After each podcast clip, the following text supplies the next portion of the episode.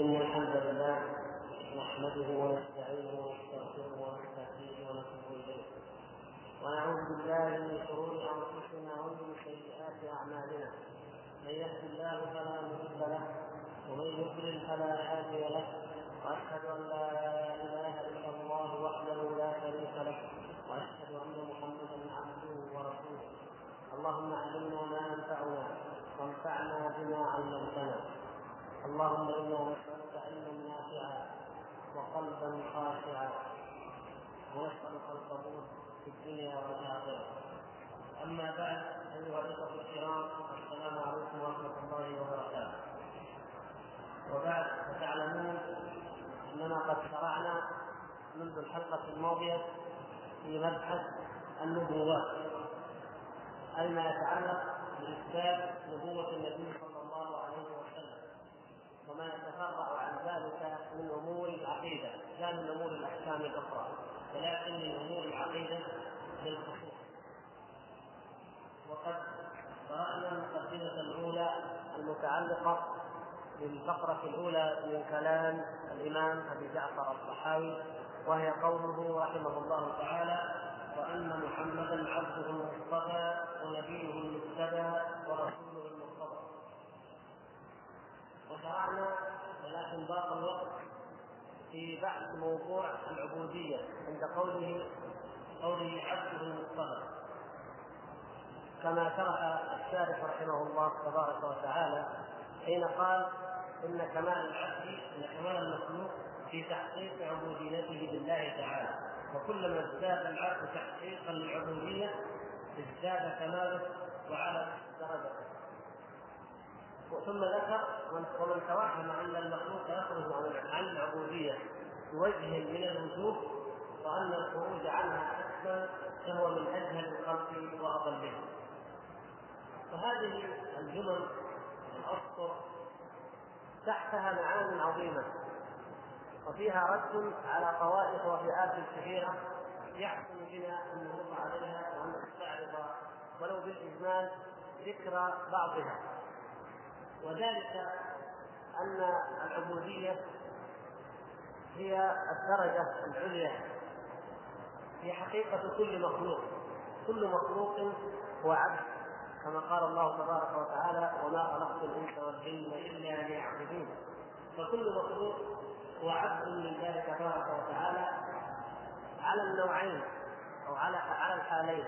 إما عبد من الناحية الاختيارية ومن الناحيه اللا اراديه أو اللا اختياريه معا فإن كل إنسان هو مخلوق بلا وهو محتاج وهو مضطر وهو فقير إلى من يطعمه إلى من يسقيه إلى من يسير هذا الجهاز الذي يحمله الإنسان. كالمخ والقلب المعدة الدورة الدموية كل الأعضاء كل هذا من الذي يسيره؟ من الذي يحركه؟ من الذي يريده؟ الله تبارك وتعالى.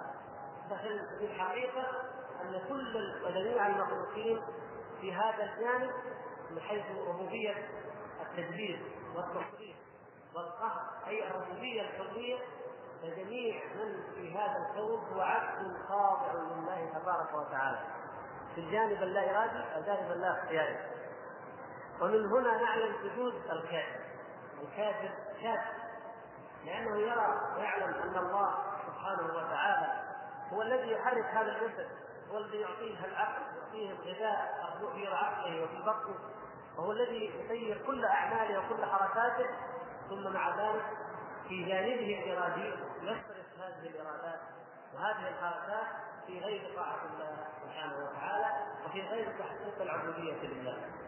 وهذا أيها الإخوة هو سبب الشقاء. الشقاء الذي يقع فيه الكفار. أن الإنسان منهم تضاد لفطرته كانك جئت إلى إنسان فسطرته سطرين فصلته قسمين. فأحدهما يتجه يمين والآخر شر كيف يمكن أن يستقر هذا الإنسان؟ أو أي آلة من الآلات، أي جهاز من الاجهزه يمشي في غير اتجاه واحد فإنه يضطرب وإنه يتصادم وإنه يتمزق ولذلك نجد أن الإنسان الذي لا يطيع الله ولا يحقق العبودية لله نجده إنسانا ممزقا متلاشيا.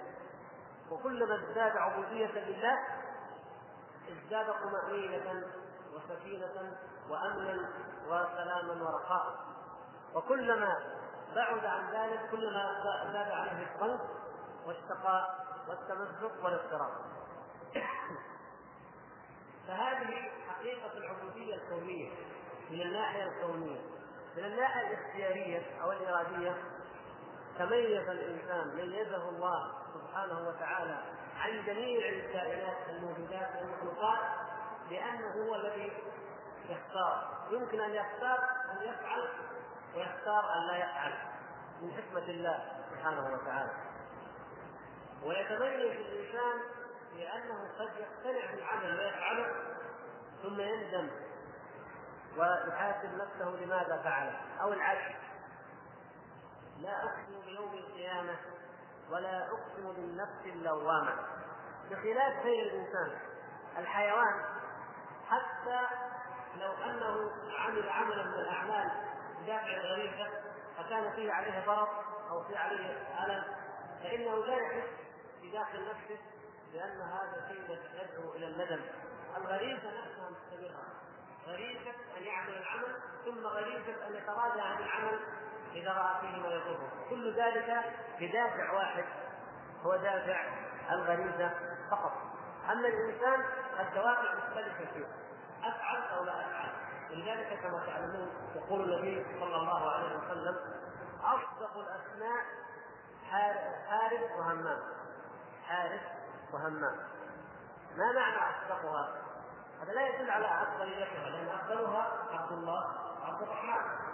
وأصدقها حارس همام أصدقها من حيث من حيث أنها ليس فيها مدح ولا فيها ذنب يعني مثل ما نقول فلان إنسان. هذا كلام صدق ما في زيادة وما في لأنه إنسان. والإنسان حارس وهمام بطبيعته حارس همام أي إنسان؟ يعني كافر سميناه همام مسلم سميناه همام لأن كل انسان يهم ويريد ويفكر ويتحرك قلبه وشعوره وإرادته وأيضا هو عامل يعمل بأي نوع من أنواع العمل. فأصدق الأسماء يعني الاسم الذي ينطبق عليه حارس وهمام. في كل وقت من الأوقات لا يكون الإنسان من الحرب ومن الهم. هذه هي حقيقة العبودية. الإنسان المسلم المؤمن بالله سبحانه وتعالى يصرف الحرب والهم لوجه الله سبحانه وتعالى. فيجمع بين الشطر الإرادي والشطر اللا إرادي في حياته فيكون موحدا. ولذلك ديننا فيه نسبه التوحيد النفس البشرية تتوحد بأنها تتجه إلى إله واحد. تعبد ربا واحدا. يا صاحب السجن أأرباب متفرقون خير أم الله الواحد القهار؟ فأيضا كما ضرب الله سبحانه وتعالى المثلين للمسلم والكافر المؤمن والكافر لأن المؤمن هناك رجل سلما لرجل. عبد هو خاص بإنسان يملكه إنسان واحد فقط. وأما الآخر فهو عبد مملوك فيه شركاء يتشاكسون يتنازعون. كل هذا يأمر وهذا ينهى هذا يقول نعم هذا يقول لا. فهذا إنسان ممزق وموزع آه المهم حقيقة العبودية تتجلى في هذا. كلما ترقى الإنسان في طاعة الله سبحانه وتعالى واجتهد فيها كما جاء في حديث الولي وغيره قوله تعالى في الحديث القدسي من عادى لي وليا فقد آذنته بالحرب وما يزال عبدي يتقرب إلي وما تقرب إلي عبدي بشيء أحب إلي مما افترضته عليه. هذه الدرجة الأولى. ثم وما يزال عبدي يتقرب إلي بالنوافل حتى أحبه. هنا درجات. فإذا وصل الإنسان إلى درجة محبة الله سبحانه وتعالى له ومحبته لله إلى درجة اليقين إلى درجة الصبر على طاعة الله والصبر عن معصية الله والصبر على اقدار الله سبحانه وتعالى حينئذ تتحقق في تتحقق فيه كمال العبودية. وأعلى الناس مقاما في العبودية هم الأنبياء صلوات الله وسلامه عليهم وأعلى البشر وأعلى الأنبياء في ذلك هو نبينا محمد صلى الله عليه وسلم. فهو أعلى الناس في درجة العبودية. ولهذا كما مر معنا تأتي مواضع التكريم مواضع التكريم يأتي الوصف فيها بالعبودية. مواضع الثناء يأتي وصفه فيها بالعبودية. سبحان الذي أسرى بعبده يعدي ليلا من المسجد الحرام إلى المسجد الأقصى. هنا كلمة العبد هنا كانها تفيد أنه الذي حقق العبودية الذي أعلى صفة له العبودية. ولهذا قال صلى الله عليه وسلم إنما أنا عبد فقولوا عبد الله ورسوله. فاختار صلى الله عليه وسلم الآخرة على الدنيا واختار العبودية لله سبحانه وتعالى على الملك. حقيقة العبودية هي كما إذا جمعنا وعرفنا تعريف العبادة أنها اسم جامع لكل ما يحبه الله ويرضاه من الأقوال والأعمال الظاهرة والباطنة فكلما حقق الإنسان ذلك كلما كان أعلى في الكمال وأكثر اقتداء بالنبي صلى الله عليه وسلم الذي هو الغاية والذروة في كمال العبودية لله سبحانه وتعالى. بقي الذين خرجوا أو الذين قالوا نخرج عن دائرة العبودية وعن مقتضى العبودية إلى شيء آخر من هم؟ أظن أننا قد ذكرنا أنهم فئتان ليس كذلك؟ فئتان اللاتي اللتان قالتا نخرج أو الخروج عن دائرة العبودية الأولى الفلاسفة والثانية الصوفية الغلاة هذا في القديم وفي عصرنا هذا برز غير ذلك مما سنذكره إن شاء الله. الذين إذا خرجوا أو ادعوا الخروج عن مقتضى العبودية وزعموا أن الكمال إما أنه بغير العبودية درجة أعلى من العبودية أو أن الكمال يتحقق بغير العبودية لله سبحانه وتعالى هم فرقتان الفلاسفة وغلاة الصوفية. ماذا قال الفلاسفة؟ الفلاسفة يقولون كمال النفس في أن تعلم وأن تكون على مقتضى الحكمة. أن تعلم يكون لديها علم وأن تكون أخلاقها وتصرفاتها على مقتضى الحكمة العقلية التي يرونها. قالوا فليس هناك من ضرورة ولا من داع يوجب أن يكون الإنسان عبدا لله أن يندرج تحت العبودية الشرعية. إذ لو أن إنسانا بمقتضى حكمته العقلية تحلى بالأخلاق الفاضلة والمعاملة الجميلة التي يتكلم عنها الحكماء في كتبهم وتزين بها وطبقها لاستغنى عن أن يكون عبدا ولم يحتاج أن يدخل تحت هذه العبودية. وبالغ بعضهم في ذلك فقال إن الناس أكثرهم جهال وأكثرهم حرام والحكمة العقلية هذه الحكمة لا يفهمها كل أحد ولا يستطيع الناس أن يكونوا على مستوى أن يفهموا كلام الحكماء وكلام الفلاسفة. قالوا إذا فجاء الأنبياء بالوعد والوعيد والأمر والنهي والجنة والنار لأن هي التي تشوق الجماهير يسمونها الجمهور أو الجماهير تشوقهم وتجذبهم تجعلهم يعملوا خير أو كذا بخلاف لو كلموا كلاما عقليا خصميا أو حكميا لا تأثروا فلذلك هذه الشرائع وما جاء به الأنبياء يصلح للجمهور. لكن الإنسان الذي فاهم الذي بعقله يفهم كل شيء لا يحتاج إلى أن يندرج تحت شرائع الأنبياء. هذا اسمهم وما كانوا يفترون. وهذا كلامهم الذي قالوه من قبل بعثة النبي صلى الله عليه وسلم. قاله فلاسفة اليونان ثم جاء من يسمون فلاسفة الإسلام. فادعوا ذلك وزعموه. ومنهم ابن سينا ومنهم الفارابي ومنهم إلى حد ما ابن رشد. ولذلك قال بعضهم إن الشريعة التي هي الدين والحكمة التي هي الفلسفة شيء واحد وتدعوان إلى شيء واحد وطريق واحد.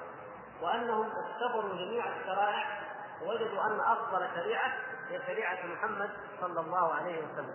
ولذلك هم يرتاحون لها ويقولون لو أخذ بها الإنسان فحسن هذا شيء حسن هذا شيء طيب. لأن كل مكارم الأخلاق التي نتكلم عنها جاءت في هذه الشريعة. هذا أمر طيب لكن لا يوجبون دخول الإنسان تحت هذه الشريعة. كما نلاحظ اليوم من الذي بعض المستشرقين أو الكتاب الأوروبيين يثنون على الدين يثنون على الإسلام. إن الإسلام جاء بأنظمة راقية في حقوق المرأة في أنظمة الحكم في الأنظمة الاقتصاد في كذا. الإسلام جاء بالرقي وجاء بكذا وجاء ويمدحون مدح طويل. قد لا يكون علينا مأخذ. لنا عليه المأخذ بنفس بنفس الكلام. ربما يكون الكلام كله مدح حقيقي وصحيح. لكن لا يرى أنه هو يلزمه أن يدخل في هذا الدين. هو شايف نفسه أكثر فاهم فهو هذا شيء جميل لكن أنا أيضا فاهم وما أحتاج إلى هذا الشيء ولا أحتاج أن أدخل تحت عبوديته يعني هذا الذي ترونه يا إخوان وتسمعون أحيانا هو نموذج للفلاسفة وما كانوا عليه في الماضي بالنسبة لموقفهم من توحيد الله. موقفهم من توحيد الله ومن عبادة الله ومن الدينونة والخضوع لله سبحانه وتعالى. هذا موقف الفلاسفة. فما هو موقف غلاة الصوفية؟ غلاة الصوفية كما قد أوضحنا في أول الكتاب لما تحدثنا عن توحيد الربوبية وذكر الشيخ رحمه الله أن غلاة الصوفية يجعلون توحيد الربوبية هو غاية التوحيد. ومما وضحنا به وشرحنا به ذلك أننا قلنا إنهم يرون أن العبد يترقى في مشاهدة الحقيقة يسمونها مشاهدة القدر أو الكون أو مشاهدة الحقيقة الكونية أو شهود الحقيقة الكونية حتى يصل به الأمر إلى أن يرى أن كل شيء في هذا الوجود هو إنما يحركه بالحقيقة الله سبحانه وتعالى. فالله الذي يسيره ويحركه ويعمل به. قالوا إذا آمن الإنسان بهذا الاسلام الايمان حتى يصل إلى أنه لا تأثير لشيء ولا فاعل لا تأثير لشيء غير الله ولا فاعل في الوجود إلا الله فحينئذ ما الفرق بين أفعال من يصلي وبين أفعال النائم أو السارق أو أي شيء؟ كلها لا فرق لأنها كلها في الحقيقة بالتامل كما يقولون بالفهم العميق كلها أفعال من لله. سبحانه وتعالى اذا يقولون فهذه في هذا في هذا الشهود شهود الحقيقة الكونية وتوحيد الربوبية التوحيد الحقيقي الكامل عندهم كما يفهمون الذي كما سبق يسمونه؟ توحيد خاصة الخاصة أو الخاصة في هذا التوحيد يضيعون حقيقة الدين ويسلكون التكاليف فيقول بعضهم يصل به الأمر في هذا إلى ماذا؟ إلى الحلول والاتحاد والعياذ بالله. يعني ينتقل من دعوى أن فعله هو فعل الله إلى دعوى أعمق من ذلك. يقول تعمقت وترقيت ووجدت انه ما في الوجود إلا هو فقط. اذا سيصل والعياذ بالله نسأل الله العافية إلى الكفر وحتى هذا هو الكفر لكن يصل إلى الكفر الصراح الذي تترفع عنه اي نفس عندها شيء من العقل وهو الادعاء بانه صار هو الله نسال الله العفو والعافيه فياتي ويقول ما في الجبة إلا الله نسال الله السلامه والعافية من ذلك. ويخيل ويزين لهم الشيطان هذه الأمور يزينها لهم بسوء أعمالهم وبتركهم للعبادات. فينقطعون عن العبادات وعن الفرائض وعن الجمع والجمعات ويقولون نحن بلغنا الحقيقة ورأيناها ووصلنا إلى اليقين الذي قال الله تعالى فيه واعبد ربك حتى يأتيك اليقين. فقالوا ان العباده لها أمد فإذا جاء اليقين انتهت هذا من أكذب الافتراء من اكذب انواع الافتراء على الله سبحانه وتعالى. لأن الذي أمر بهذه الآية هو نبينا محمد صلى الله عليه وسلم. وقد طبقها وقد عملها وظل على العبادة وعلى الصلاة وعلى ذكر الله ولم يخرج عن العبودية إلى أن جاءه اليقين الذي هو الموت. كما جاء في الحديث الصحيح الآخر أما فلان فقد جاءه اليقين من ربه. أي جاءه الموت لأن اليقين هو الموت. فمعنى الآية واعبد ربك حتى يأتيك الموت حتى يقبضك ربك اليه فهؤلاء الملائكة يقولون إن حقيقة العبودية عندهم هي شهود الحقيقة الكونية. ولذلك لا يرون أن الصلوات الخمس أو العبادات التي نفعلها نحن الآن إلا مجرد مظاهر أو وسائل على الطريق عندهم يقسمون الطريق إلى ثلاثة مراحل. مريد أو يعني السابق أو المتعلم على هذا الطريق. مريد وهذا المبتدئ ثم سابق وهو الذي مشى في الطريق مراحل ثم واصل. الواصل هذا وصل. معنى ذلك سقطت عنه التكاليف ولم يعد بحاجه إلى أن يعمل أعمال المريدين. المريدين أو السالكين في هذه العبادات ليؤول بها أنفسهم لكن هو قد وصل. وسبحان الله مما يكشف ويدل على أن الله سبحانه وتعالى قد جعل أمثال هؤلاء الناس فتنة لغيرهم وابتلاهم وفتنهم في أنفسهم. ما يروى عندما جاء الموت لابن الفارق وعندما جاء الموت لابن سبعين. ابن الفارق وابن سبعين هو من كبار الدعاء إلى هذا المذهب نسأل الله العافية ونسأل الله لنا ولكم حسن الخاتمه هؤلاء هذان الرجلان من كبار من يدعو إلى هذا المذهب خطوط العبادات والتكاليف وان الوصول إلى الحقيقة الكونية والحلول والاتحاد أو الفناء كما يسمونه كلها مترادفات أو متداخلات في التعبير عن هذه القضية. فإن ابن الفارس هو شاعر العملاق الشعر لما حضرته حضره الموت وكان حوله بعض المريدين وكان من طبيعته ان يرسل الشعر في الشعر هو في الحقيقة من الدرجة الأولى في الشعراء حتى قال شيخ الإسلام ابن تيمية وهو كما تعلمون منزلته منزلة شيخ الإسلام في اللغة وفي الشعر أيضا ليس فقط في العلوم التي تعلمون بل هو في سائر العلوم حتى علوم اللغة وحتى ذوق الشعر. يقول إن هذا الرجل وأمثاله قدموا لحم الخنزير في فك من الذهب. لما يكون عندك صحن ذهب لكن إيش اللي إيش اللي مقدم في صحن الذهب؟ لحم خنزير والعياذ بالله. فهؤلاء أتوا بالشعر الراقي الجميل. ابن عربي من فارس خاصة شعر من العالي الراقي. لكن ما الذي يتضمن؟ الحلول الاتحاد وحدة الوجود الشرك الزندقة نسأل الله العافية. الآلة عالية قيمة لكن المضمون والمحتوى سيء وخبيث وقبيح فلما جاءته جاءه جاءته الوفاة قال إن كان منزلتي إن كان منزلتي في الحب عندكم ما قد رأيت فقد ضيعت أحلامي. أمنية ظفرت نفسي بها زمنا واليوم أحسبها أضغاث أحلامي. ما الذي رأى؟ لما عاين ملائكة العذاب نسأل الله العافية. وأراد الله عز وجل أن يدينه بلسانه يسمع المريدين الذين حوله.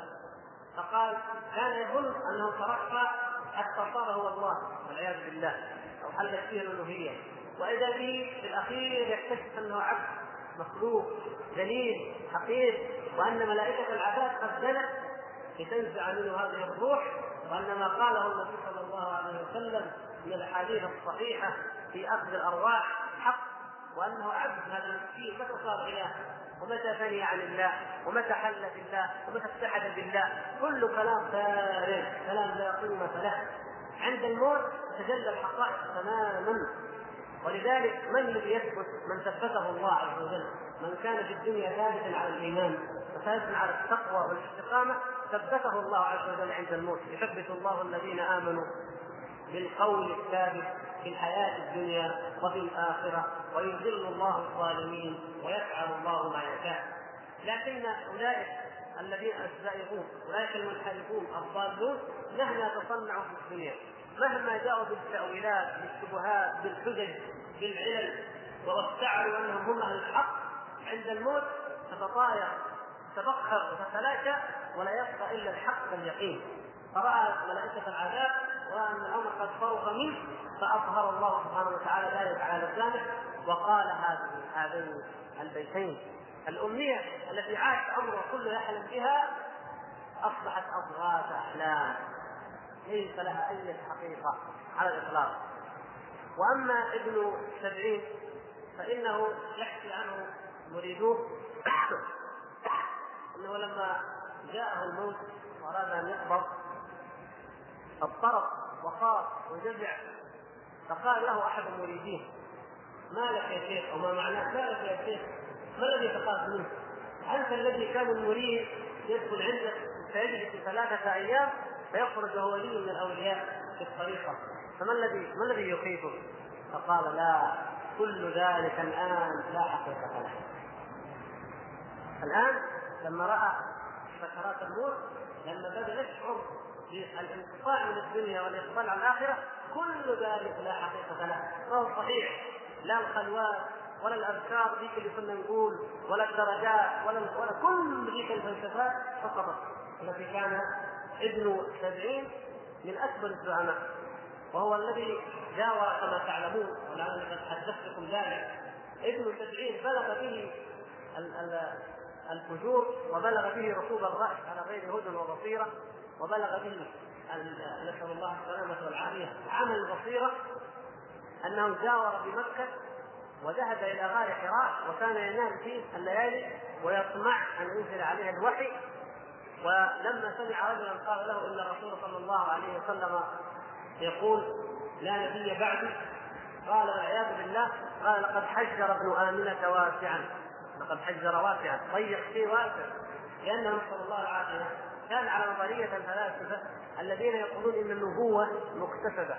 النبوة عندهم ليست موهوبة من الله عز وجل وإنما هي مكتسبة. يجتهد الإنسان كما يزعمون حتى يصل إلى الولاية لأن الولاية عندهم أعظم من النبوة. الولي عندهم فوق النبي وأعظم. فنسأل الله السلامه قال يجتهد الإنسان حتى يصل إلى هذه الدرجة. وهكذا كان ابن السبعين يفعل في مكة. فلما جاءه الموت تلك اللحظة وجاء التلميذ يريد أن يطمنه كما كان كما طمأن عبد الله بن عباس رضي الله تعالى عنه. طمأن من؟ طمأن عمر بن الخطاب. قال له أبشر أبشر يا عمر.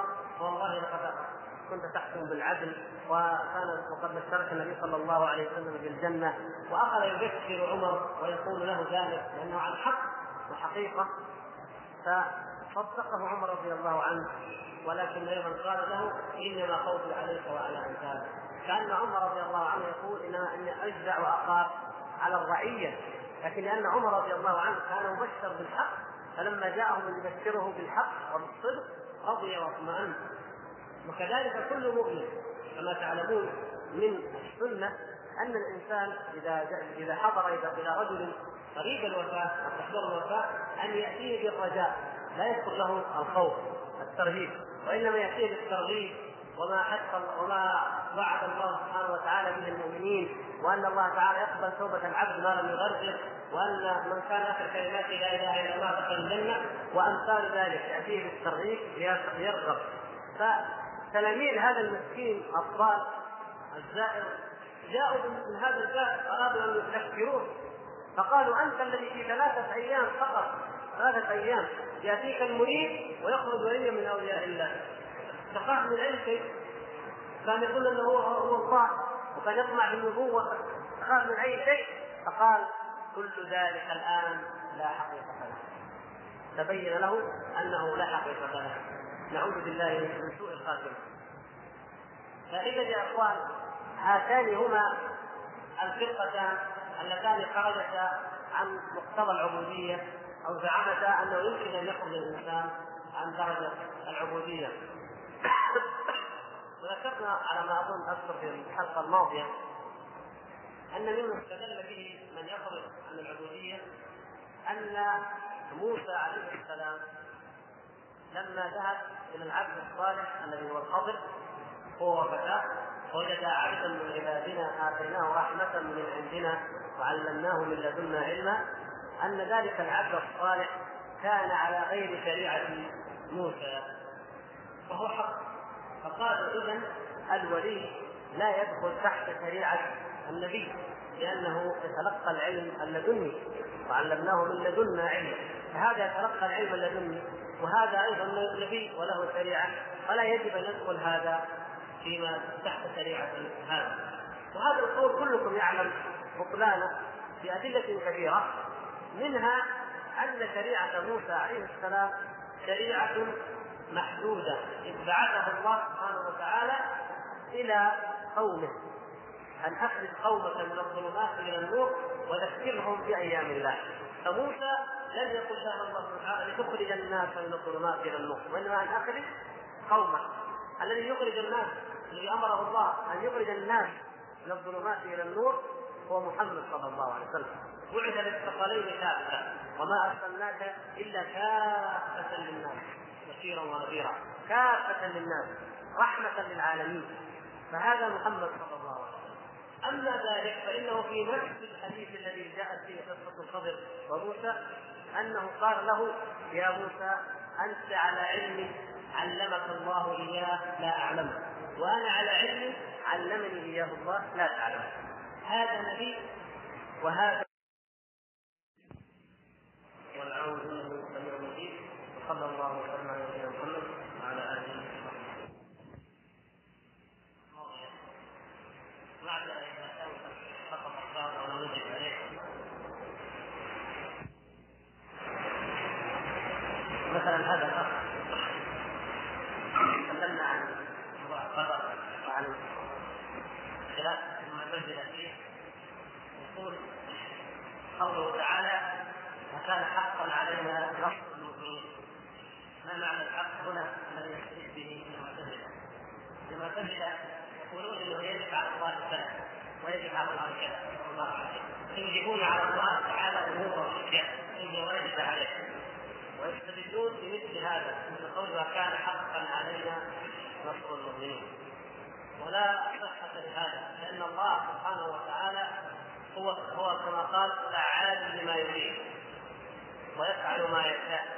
وليس لأحد على الله عز وجل سلطان ولا قوة أن يفرض عليه شيء أو يوجب عليه شيء حتى يقال أنه يجب على الله كذا أو يجب أحد يوجب عليه شيئا من ذلك.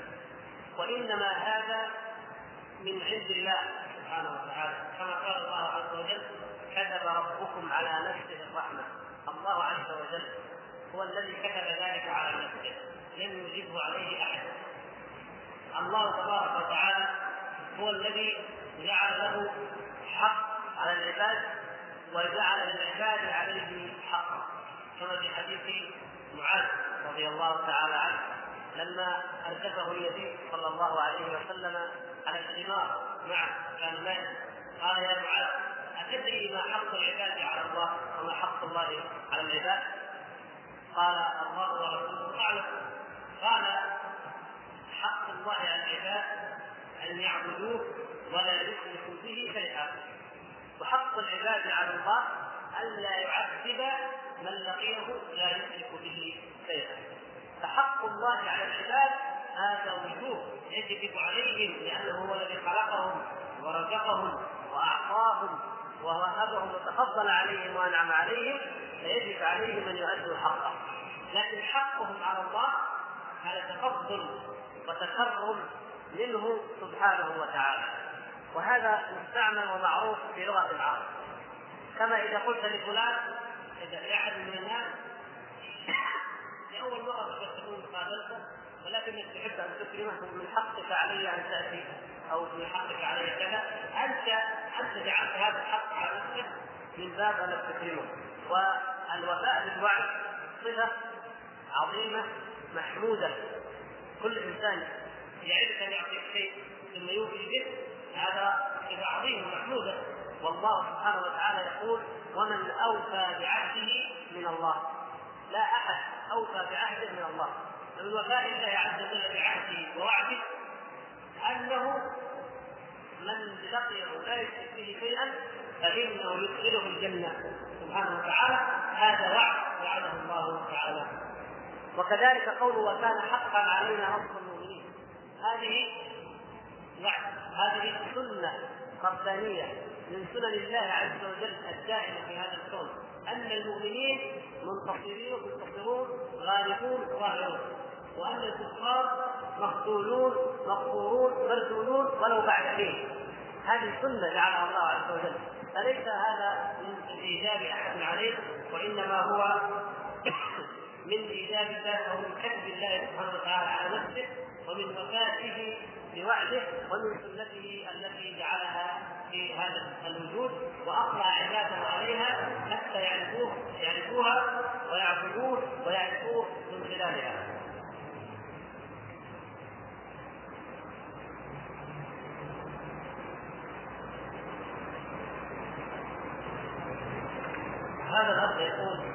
في الله قل حبك الله يحبك متى تكون إقامة الحجة؟ ومتى تكون ضرورية؟ وهل الإنسان الذي لم تقم عليه الحجة غير مؤاخذ بما يفعله؟ ومتى تكون إقامة الحجة جدلا؟ وهل على طالب العلم أن يقيم الحجة على من يفعل منكرا؟ وهل تقام على كل منكر؟ وإذا كان الإنسان عنك قليلا عنده عنده قليلا من العلم ولم يستحمل قول الله وقول رسوله صلى الله عليه هل هو مؤاخذ الا ان فاعل المنكر إن كان يعلم أنه اخطا جزاكم الله خيرا. هذا موضوع اقامه الحجة بحسب ما في هذا السؤال نوضحها بان القضية تعود إلى أصلين أو إلى أمرين. هناك أمور علمية أمور علمية دقيقة مسائل مشكلة فيها شبهات وفيها أخذ ورد ولا يطلقه الا العلماء وهناك أمور واضحة منكرات واضحة جليلة لا يخفى على كل مسلم أنها منكر فمن حيث علم المنكر أو علم مقيم الحجة في المسائل الأولى لا تتصدى لها إلا وانت عالم لا تتقبل الكلام في المسائل العلمية الدقيقة إلا وأنت عالم.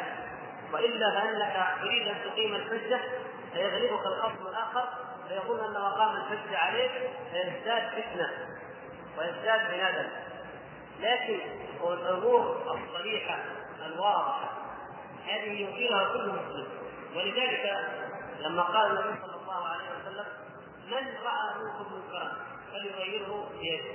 يعني أي إنسان رأى منكر فليغيره بيده فإن لم يستطع بلسانه فإن لم يستطع بقلبه وذلك اعظم الايمان المنكرات الظاهرة الواضحة لا ينبغي أن يتردد الإنسان في إنكارها بحجة العلم لأنها معلومة لديك ومعلومة لديك مثل الفواحش الظاهرة مثل الشرك بالله عز وجل الشرك الظاهر واحد يدعو غير الله.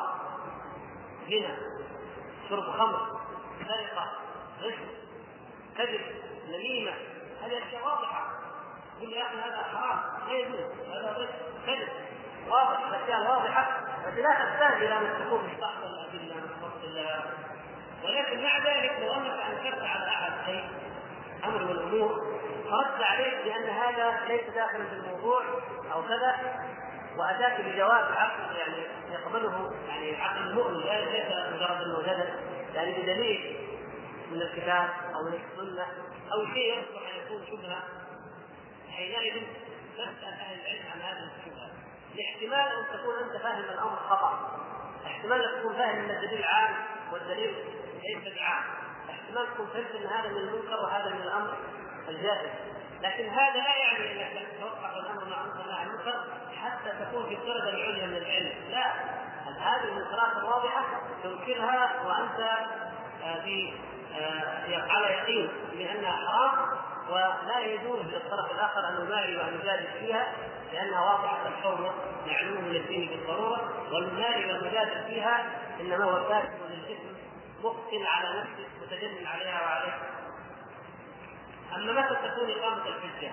نحن نحتاج إقامة الحجة إذا أردنا أن نحكم على إنسان إما أن نحكم مثلا عليه بأنه كافر أو مرتد أو يحكم عليه بأنه مبتدع أو فاسق وما أشبه ذلك أو نعذر أمام الله باننا قد بلغناه. حينئذ تكون إقامة الحجة عليه فليس الأصل في عملنا ليس الأصل في عملنا هو إقامة الحجة. يعني الدعاء أو طلبة العلم أو العلماء الأصل في عملهم هو الدعوة. أليس كذلك؟ الأصل أن ندعو. نحاول ندعو ندعو الإنسان بالحكمة بالوعظه الحسنه بالخلق بأي أسلوب طيب يقبل الحق. فإذا رايناه معرض غير متقبل هنا يأتي دور إقامة الحجة. نقول ها قد بينا لك قد بلغنا لك وضحنا عندك شبهه عندك شك نتحداك اذا كان عندك دليل وقتها حينئذ يكون مقام التحدي ويكون مقام الإنجاز والأخذ والعطاء حتى نقيم عليه الحجة. وحينئذ نحكم مثلا نقول هذا الإنسان يهجر بالله مثلا نقول هذا الإنسان ما تصح الامام قلبه وصلى قلبه مثلا. نقول هذا الإنسان والعياذ بالله احدكم مرتد نسال الله العافيه وهكذا يعني. طبعا الذي يقيم الحجه هم أهل العلم. أهل العلم في هذه المسألة. لا يعني انه العالم المطلق لكن من كان لديه علم من كتاب الله وسنة رسوله في هذه المسألة المختلف فيها فإنه يقيم للحجه في هذه المسألة. آه الإنسان الذي لم تقم عليه الحجه هل هو مؤاخذ؟ فرق يا إخوان بين أحكام الدنيا وبين أحكام الآخرة. هذه أمور دقيقة وأرجو أن تقصروا لها جيدا. في أحكام الآخرة الإنسان يؤاخذه الله عز وجل بما يعلمه جل شأنه من قلبه لأنه سبحانه وتعالى مطلع يعلم خائنة الأعين وما تخفي الصدور. الله سبحانه وتعالى يعلم من فلان كل شيء إذا كان يعلم أنه جاءه الحق وعاصه ثم أعرض عنه فإنه يجازيه سبحانه على ذلك على ما علم وعلى ما بلغ وعلى ما وصل أما في أحكام الدنيا في أحكام الدنيا فإننا لا نؤاخذ أحد حتى نقيم الحجة عليه. لو جاء واحد قال ما كنت أدري أن هذا الشيء حرام؟ أو ما أدري أنه شرك فإننا نقيم عليه الحجة بأن نعلمه ونبين له ذلك. أو جئنا إليه وجدناه على شرك فدعوناه فلم يستجب ولم يتبع فنبين له هذا الشرك أو هذه البدعة فندعوه بالحكمة أولا فإذا أعرض وأعرض وعانى أقمنا عليه الحجة كشفنا جميع شبهاته ووضحنا له أنه مخطئ أنه مجانب الصواب وأنه على باطل حينئذ نحكم بأن الحجة قد قامت عليه قبل ذلك ما نؤاخذه قبل ذلك ما نؤاخذه لا نحكم عليه مثلا آه إذا كان مرتدا بأن يقتل تارك الصلاة ولا مرتد لا يقتل إلا اذا استيقنت عليه الحجة. ثم بعد ذلك يكون الحكم عليه. حكم القضاء طبعا. وكذلك أنه يحكم بأنه مبتدع. أو يأخذ أي حكم من أحكام الدنيا بأن لا تصح الصلاة خلفه مثلا أو لا يصح لا يجوز السلام عليه أو تطلق زوجته أو أي حكم من أحكام الدنيا التي كما تعلمون هي مثلا الان من اختصاص القضاء. المهم لا نحكم عليه حتى نقيم الحجة في أحكام الدنيا. لكن عند الله عز وجل الله سبحانه وتعالى يجازيه بما يعلم من قلبه والله أعلم. قد نحن نحكم على واحد ويكون في حقيقته ما قامت عليه الحجة. ربما. لكن نحن ما كلفنا إلا ما نطيق. الله تعالى لا يكلف الله نفسا إلا وسعها. بقدر ما نستطيع أن يقيم عليه الحجه والا لو كان الأمر أنه لا يقيم الحجة إلا أعلم الناس ما كان أي قاضي يقيم الحجة مثلا على واحد. كان لازم يكون أكثر العلماء فقط هو اللي يقيم الحجة بدليل العالم الإسلامي. هذا غير ممكن. إنما تقام الحجة بقدر ما يجتهد الانسان ويقول انه اقامها وبينها.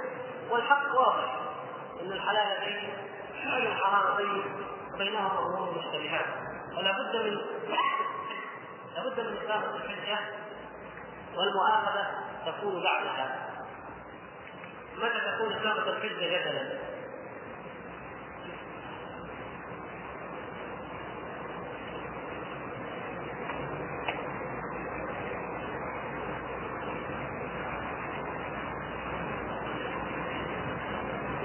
الجدل هذا منهي عنه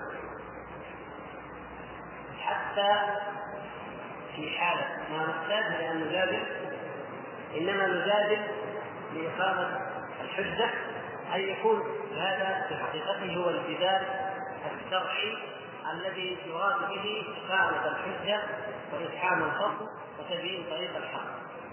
وليس بالمعنى المعروف لدينا الذي هو المراء يقول الله عز وجل ولا تجادلوا أهل الكتاب إلا بالتي هي احسن تجادلهم بالتي هي احسن المجادلة هنا عندما ترى أن المدعو أو الطرف الآخر قد اصبح في موقف المعارض المتكبر كما فعل كفار قريش وغيرهم فإنك تجادله. لكن لا يصرفك هذا الجدال عن قول الحق عن الاعتدال عن الصف وتاخذ معه في الجدال مع علمك لأن هذا الجدال لن يثمر استجابة الصف يعني قد تقطع عنه ان هذا الجدال ما يفيد. لكن ما هي فائدته؟ فائدته إقامة الحجة. فأول ما تدعو الإنسان وترغبه في الخير وتنصحه ما ابتدع كافر عاند أصر ألح تنتقل معه إلى مرحلة الجدال لكن بعد أن تكون قد اقتنعت أنه ما في فائدة إلا أن يجادل لماذا؟ لتقام عليه الحجة بين يدي الله عز وجل ولتعذر أنت أمام الله. هذه هي المرحلة.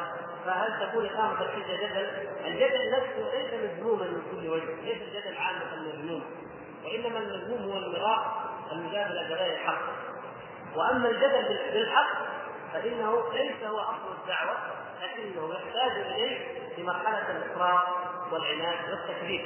وقد يطلق على كل الدعوة جدال بمعنى أنها محاربة بين الداعي وبين المدعو لكن العرف المعروف الآن هو تخصيص الجدال في هذه المرحلة، مرحلة أن تكون قد رايت لا فائدة من ترجوها من رجوع هذا المعالج إلا أن تبين له وجه الصواب ثم تتركه بعد ذلك وشأنه. وكما تعلمون ولعلكم قلتم الإنسان إذا وصل معك إلى حد المعامله والمجادله ما يصدق ما يصدق حتى لو جبت أقوى الأدلة واغلى البراهين حتى لو ما عليك يتكلم يذهب بقلبه عليك غضب وفي قلبه حب الانتقام ويبحث ويسأل يجد جواب ضد كلامه هذا شيء مركوز في النفوس ولذلك كان من أصول الدعوة أننا لا نبدأ الناس بالجدل وإنما نبدأهم بماذا؟ بالحكمة والدعوة وبعرض الحق عليهم. وهكذا فعل النبي صلى الله عليه وسلم مع كفار قريش وفعل النبي صلى الله عليه وسلم مع اليهود وفعل مع النصارى حتى مع الكفار نبين لهم الحق ونعرضه عليهم فإذا عاد وكافر وقال هذا الدين دينكم غير صحيح وكذا وكذا فنأتي بالحجج السابقة التي تقيم عليه الحجة حتى إذا لقي الله يلقاه وهو معاند وهو مكابر فيكون من أهل النار وبئس القرار قال العلم هل أن يقيم الحجة على من يفعل المنكر وهل تقام على كل منكر؟ هذا انكار المنكر أعم من إقامة الحجه ويجب على كل إنسان أن يقيم أن ينكر المنكر يجب على كل مسلم أن ينكر المنكر. كنتم خير أمة أخرجت للناس تأمرون بالمعروف وتنهون عن المنكر وتؤمنون بالله. انما الذي يختلف هو درجة الإنكار. هل هي باليد أو باللسان أو بالقلب؟ النزول عن مرتبه القلب لا يجوز على الإطلاق. ولذلك من خطر ترك الأمر بالمعروف والنهي عن المنكر أنك أنت الذي تعلم أنه منكر ما تنكر إلا بالقلب. فيأتي آخر ما يدري أنه منكر أو يأتي جيل يولد من بعد اولادك مثلا لا يدري عما في قلبك. لكن يرونك وأنت تعرف فيصبح المعروف اليه منكر فلا تنكر قلوبهم هذا المنكر. فتكون فيكون رؤية المنكر معروفا ورؤية المعروف منكر. وهذه أعظم وأشد خطرا من ترك الأمر بالمعروف والنهي عن المنكر. لكن إذا ترك الأمر بالمعروف والنهي عن المنكر انتقل المجتمع وانتقل إلى مرحلة أقل وأحط وهي أنه يرى المنكر معروفا والمعروف منكرا. التبرج كمثال إذا ترك ولم تتمها النساء التبرج وخرجنا إلى الفراش حتى وإن كانت هي والمجتمع يرى أن هذا منكر وأن هذا حرام لا تكفي. ياتي الجيل الثاني فيكون المحجبات قليلات فتكون هي المنكر إذا جاء واحد يقول لامرأة محجبي تنكر عليه. لكن إذا رأت هي فتاة محجبة تنكر عليها. ليش انت متغطية؟ ليش سويت ينتقل الأمر إلى أن يصير المعروف والمنكر والمنكر معروف. نتيجه ماذا؟ نتيجه ترك الأمر بالمعروف والنهي عن ولهذا كان هذا من الأمور الشرعية الأساسية الميزة الميزة التي ميز الله فيها هذه الأمة انه قال كنتم خير أمة أخرجت للناس تأمرون بالمعروف وتنهون عن المنكر وتؤمنون بالله ولو آمن أهل الكتاب لكان خيرا لهم. فضلنا الله عز وجل على أهل الكتاب بأن هذه هي ميزتنا. أما هم فإنهم لعنوا لعنوا بسبب تركها. لعن الذين كفروا من بني إسرائيل على لسان داوود وعيسى بن مريم ذلك بما عصوا وكانوا يعتدون.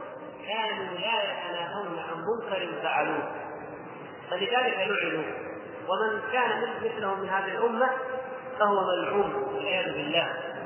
ولذلك آه، حذيفة رضي الله تعالى عنه يقول نعم أبناء عم لكم اليهود. ما كان من حلة فهي لكم وما كان من مرة فهي لهم. بعض الناس إذا قرا آية من الآيات افتؤمنون ببعض الكتاب وتكفرون ببعض هذا يا أخي في اليهود صحيح نعم اليهود قول الله مثلا ومن لم يحكم ما أنزل الله فأولئك هم الكافرون. فهذا نزلت في الكتاب. فكيف رضي الله عنه؟ قال هذا الآية. وهذا اليهود يا أخي.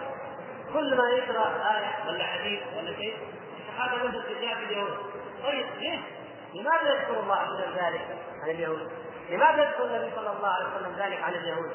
ليبين لنا ان ما عندنا إن فعلنا ما فعلوا عوقبنا بمثل عوقب به والعياذ بالله.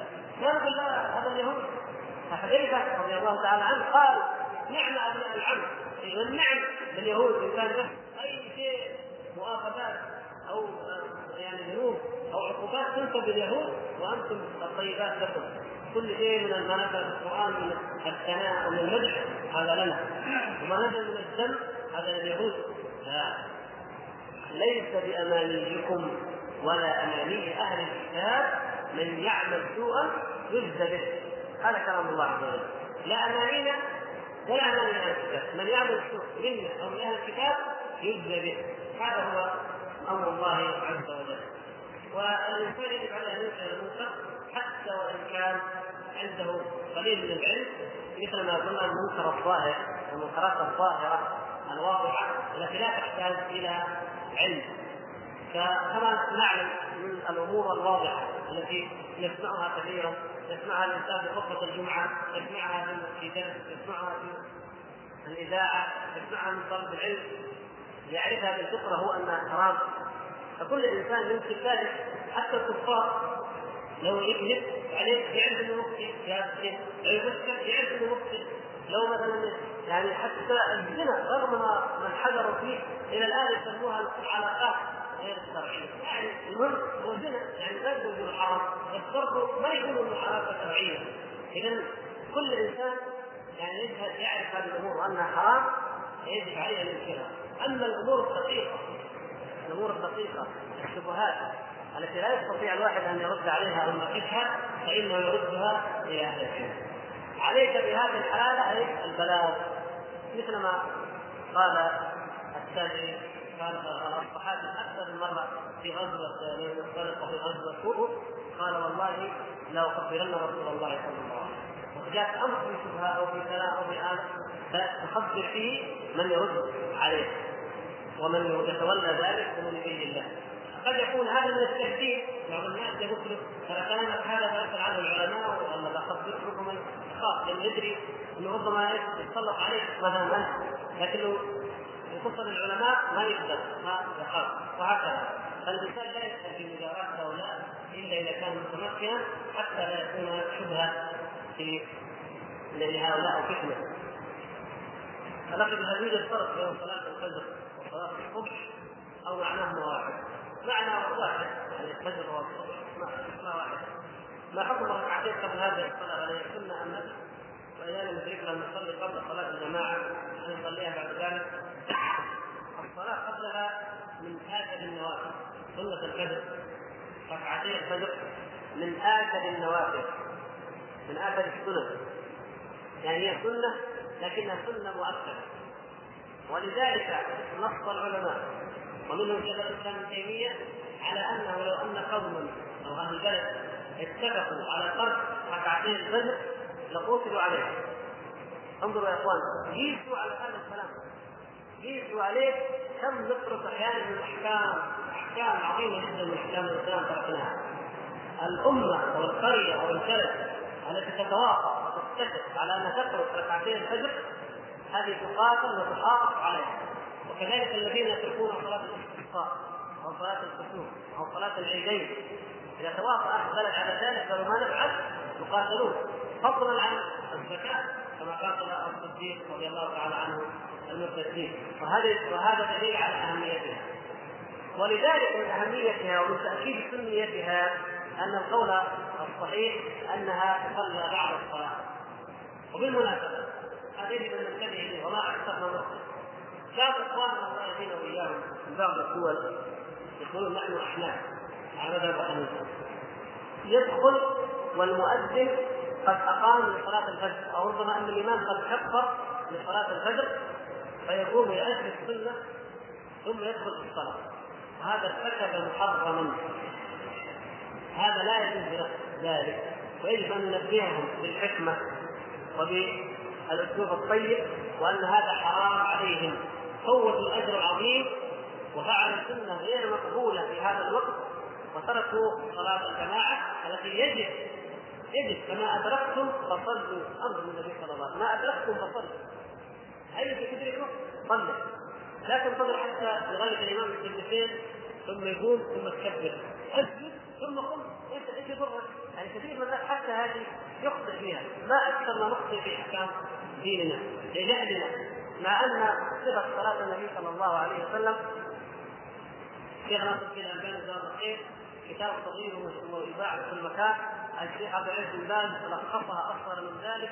يمكن أن تقرأ على أي إنسان يفهمها. ويمكن أن تقرأ في كل مسجد. ويوزع مجانا. لا تتعدى ثلاث صفحات صغيرة أو صفحتين كبيرة. كيفية صلاة النبي صلى الله عليه وسلم؟ من أولها إلى آخرها. إذا سمعت الشيخ عبد العزيز بن باز يجب أن نقرأها وأن نقرأها. ونعطيها إيمان بالاقراء على الجماعة. لو كررها عدة مرات ما في مانع لأن الناس اللي يصلوا الظهر غير اللي بيجوا بكرة غير بعد بكرة غير العصر غير المغرب حتى تعلم هذه دائرة عظمى أعظم شعائر الدين العملية هي الصلاة. فإذا كنا نفعل مثل هذا الأخطاء ومنها هذا الخطأ الذي يقع فيه إخواننا هؤلاء الذين يقولون نحن أحناف الله يهدينا وإياهم أنهم يدخلون فيبدأ يصلي ركعتين ويقول سنة مؤكدة عند أبي حنيفة. يا أخي مؤكدة عند جميع الفقهاء. لكن أبو حنيفة رضي الله عنه ما قال اترك الفرض. وصلها أدخل مع الإمام. فإذا سلم فقم فصل ركعتين. الفجر ولكن الأفضل في في في النوافل جميعا في السنن جميعا الأفضل أن تؤدى بالبيت. هذا طبعا شيء معروف. إن الأفضل أنك تصلي في البيت ثم تأتي إلى المسجد.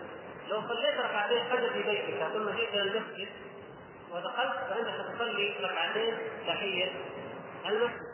لكن مثلا المغرب أو العشاء الأفضل أنك تصلي في البيت وخاصة النوافل الليليه الأفضل أن تصلي النوافل الليل سنن البيت المغرب والعشاء والفجر أن تصلى في البيت. وكذلك تنفس الآخر لأنه يكون ابعد عن الرياء ويكون اوفق للقدوة لاقتداء الأهل والأولاد. ولئلا تكون بيوتنا قبورا من بين ذلك النبي صلى الله عليه وسلم. لكن الأمة الإسلامية سبحان الله بالعكس. القبور جعلوها مساجد. يعني لهذا النبي صلى الله عليه وسلم تكون بيوتنا قبور. لأن القبور ما يصلى فيها. فالآن القبور صارت من المساجد. ما ما تجد في خارج المملكة تقريبا المسجد إلا هو على قبر. إلا ما قبل تجد فصارت القبور هي المساجد. وصارت البيوت خاوية من ذكر الله. بالمناسبة يعني ماذا الذي في البيوت؟ يا إخوان لازم نكون صراحة. لأن المسألة دين ما الذي في بيوتنا إلا ما رحم الله وعصمه منا؟ اسمع إلى اي إلى جيرانك كانوا ما هم ملتزمين ولا ملتزمين إلى أي واحد؟ لو حسبت الساعات التي تكون الموسيقى في البيت كم تطلع؟ قلت لك انها قد تزيد عن 12 ساعه وربما 15 ساعه والموسيقى في البيت تشتغل يا اخوان نحن امه إيه؟ امه من؟ أمة من نحن؟ أمة محمد صلى الله عليه وسلم بهذا الشكل 15 ساعة